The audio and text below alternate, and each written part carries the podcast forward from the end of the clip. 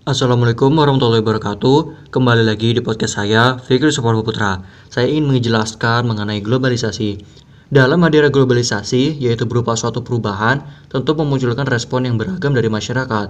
Ada yang pro dan kontra. Orang yang pro terhadap globalisasi biasanya mempunyai ilmu pengetahuan yang mampu menangkap hadirnya globalisasi tersebut dalam konteks yang positif dengan bijak. Ada juga orang yang hanya mengikuti tren atau perkembangan zaman, sehingga orang tersebut menerima apa saja bentuk globalisasi tanpa memikirkan baik atau buruknya. Kemudian ada orang yang kontra terhadap hadirnya globalisasi.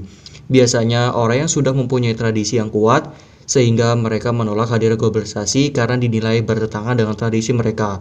Selain itu, ada orang yang selalu berprasangka buruk terhadap sesuatu yang baru. Bisa menjadi alasan orang tersebut menolak hadirnya globalisasi karena takut ke depannya akan terjadi sesuatu yang buruk dari apa yang dipikirkan.